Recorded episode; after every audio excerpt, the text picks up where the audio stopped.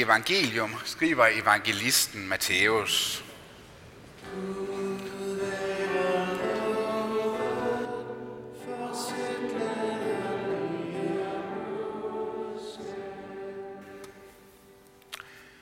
Da Johannes i fængslet hørte om Kristi gerninger, sendte han bud med sine disciple og spurgte ham, Er du den, som kommer, eller skal vi vente en anden?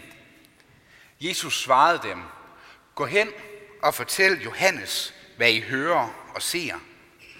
Blinde ser, og lamme går, spedalske bliver rene, og døve hører, og døde står op, og evangeliet forkyndes for fattige.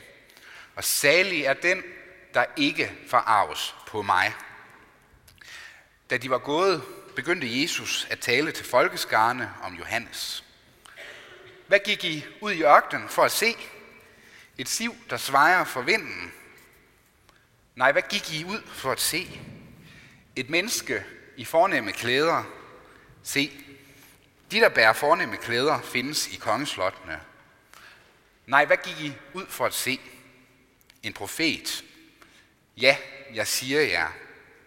Også mere end en profet. Det er om ham, der står skrevet.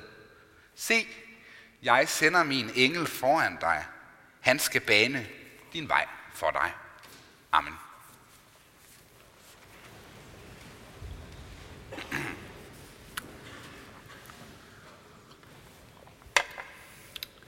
I adventstiden der møder vi i særlig grad ord for Bibelen, der forholder sig til livet sådan, som det nu engang er, råt for usødet.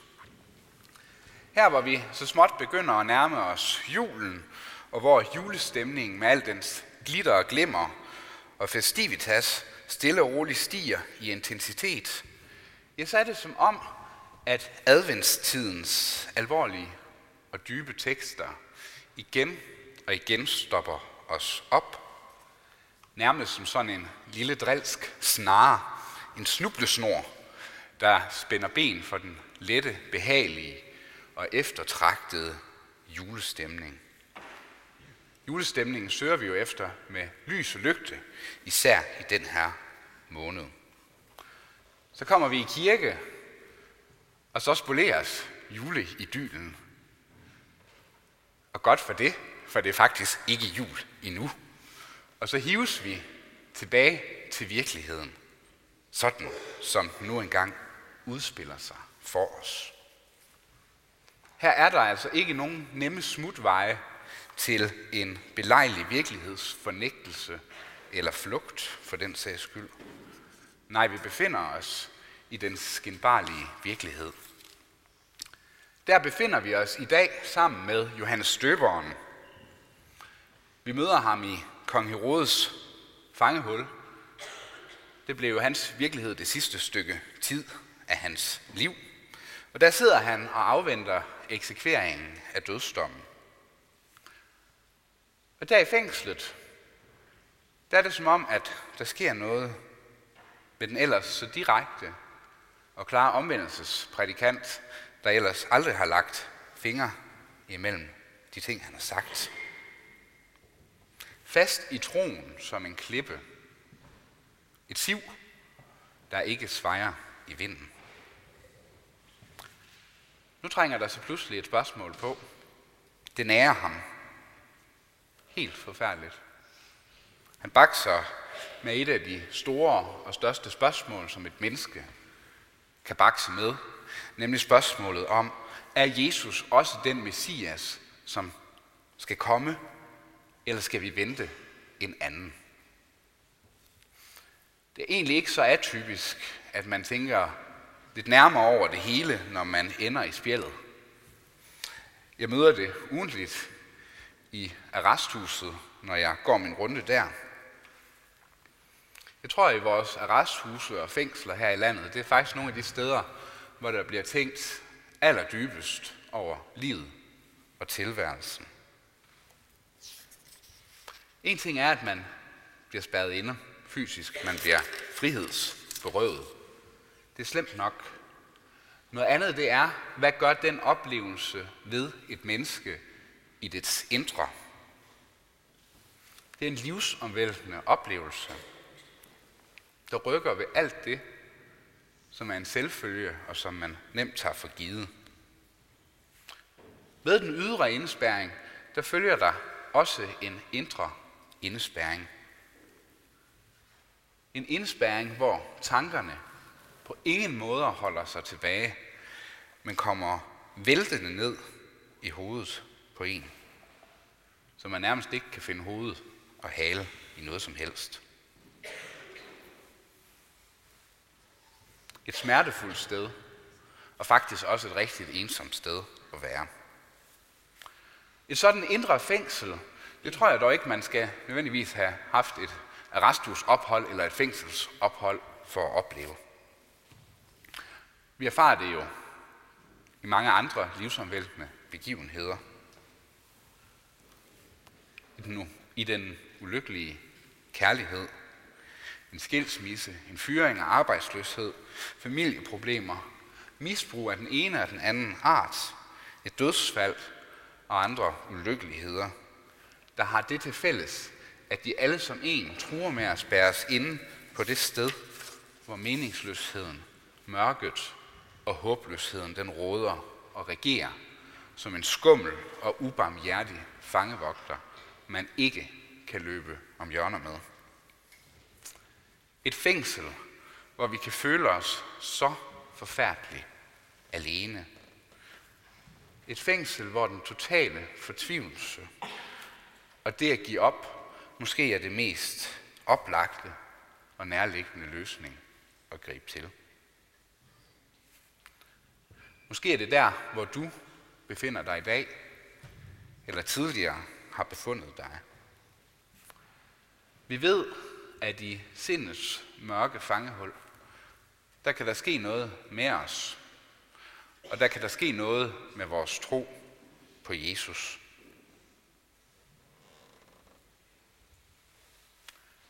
Der kan man pludselig komme i tvivl om det hele. For oplevelsen af, at Gud blev væk, at Gud blev tavs, at Gud lod mig i stikken, kan få troens fundament til at slå dybe og alvorlige revner, så en sammenstyrtning er nær forestående. Hvad gør vi, når vi befinder os på det sted?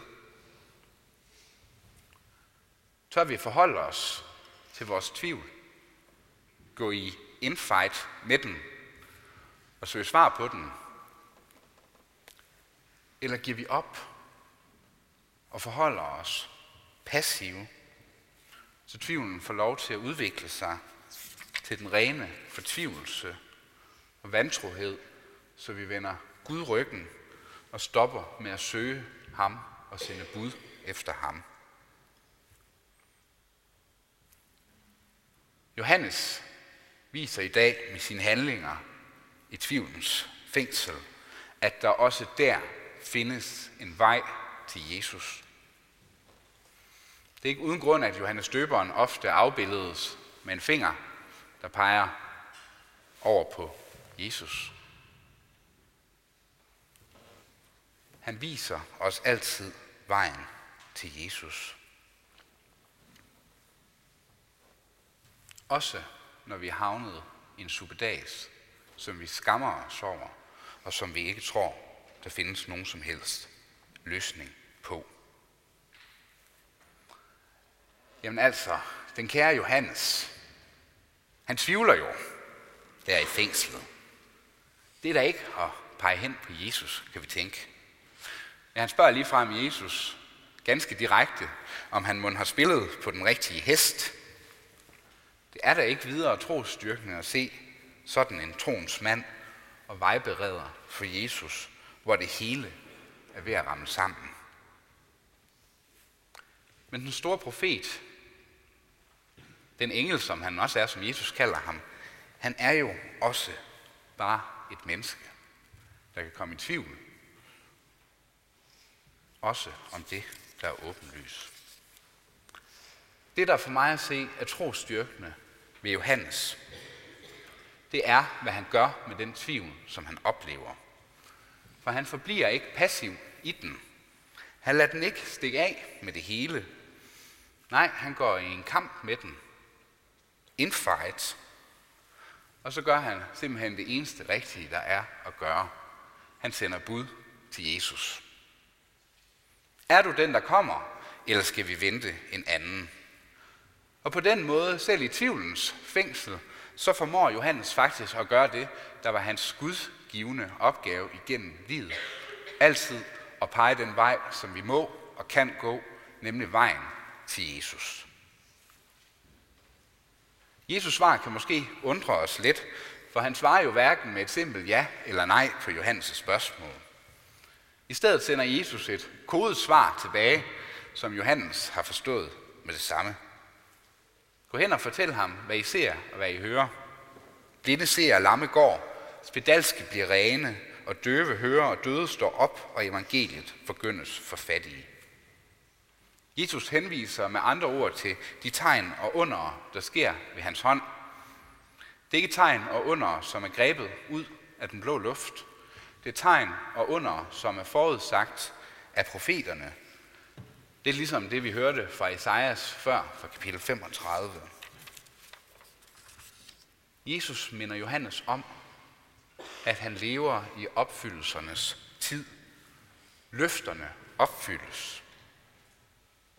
Og så minder Jesus faktisk også Johannes om, at det er godt at kende til skrifterne, til Bibelens vidnesbyrd, til det gamle testamentes mange løfter og til opfyldelserne i det nye testamente med Jesus. For så er det, at vi kan afkode det, der er med ham, Jesus. Hvad ser du, og hvad hører du, Johannes? Og lav så din konklusion på baggrund af det. Og det samme siger han til os. Det er sådan, at når jeg går min runde i arresthuset, så deler jeg et ikke ubetydeligt antal af bibler ud. Jeg har aldrig mødt et sted, hvor Bibelen er så populær, som jeg har i arresthuset. Det kan få en teolog til at blive gjort helt til skamme. Jeg har længe tænkt over, hvorfor man Bibelen egentlig er så populær på sådan et sted. Jeg tror, det har at gøre med, at der i de gamle ord, det er de jo efterhånden, gemmer sig noget, der er vidunderligt, livskraftigt og livsbefriende, som kan bringe lys ind i det allermest mørkeste hul i vores sind. Guds ord kan noget. Derfor har vi fået det, og derfor kan vi bruge det. Og jeg tænker tit, når jeg kommer hjem fra resten, hvor meget jeg egentlig lærer derover af de indsatte. At Guds ord gør noget ved os, når vi giver det indgang til os, også i mørkets fængsel. Og dernæst, som det sidste. Det er jo velbekendt, at det er meget skamfuldt at havne i spjældet. Det er ikke noget, der gavner på ens CV.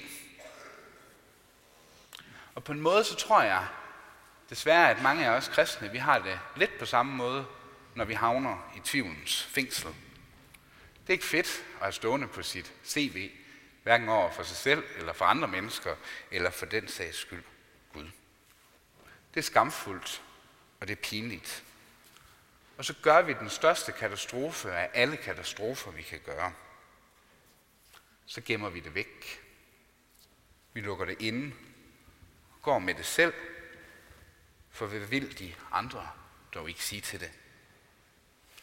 Nej, så er det bedre, at jeg går med det selv og putter med det. Sådan er det nærliggende at tænke i tvivlens fængsel. Men det er en løgn fra djævlen, der skal modsiges. Det er ikke skamfuldt at ende i tvivlens fængsel. Vi kigger på Johannes, døberen.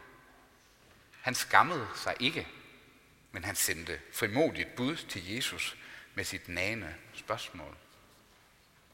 Vi hørte også Paulus før der taler om, at han vil ikke lade nogen anden bedømme ham end Gud. Ikke engang sig selv. Og der tror jeg gemmer sig en enorm stor visdom. For Guds dom er alt det, som den menneskelige dom ikke er. Den er nådig og barmhjertig af en sådan grad, at vi slet ikke kan forestille os det. Den er nådig og barmhjertig, selv når vi sidder i det mørkeste og dunkleste fangehul, hvor vi er ved at give op på det hele. Trods Johannes' tvivl, så modtager han ros fra Jesus, der er ganske stor. Han bliver kaldt for en engel, som baner vejen for Jesus. Og det gør Johannes i dag, fordi han viser os vejen til Jesus.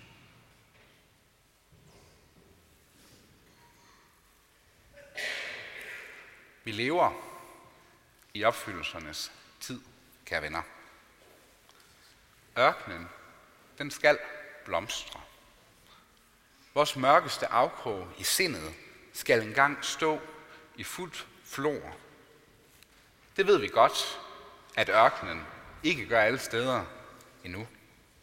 Men den dag kommer, før eller siden, hvor et hvert fængsel skal styrte i grus, murene bryder sammen, og så skal vi vandre ud i livet og i lyset med vores frelser og befrier, Jesus Kristus.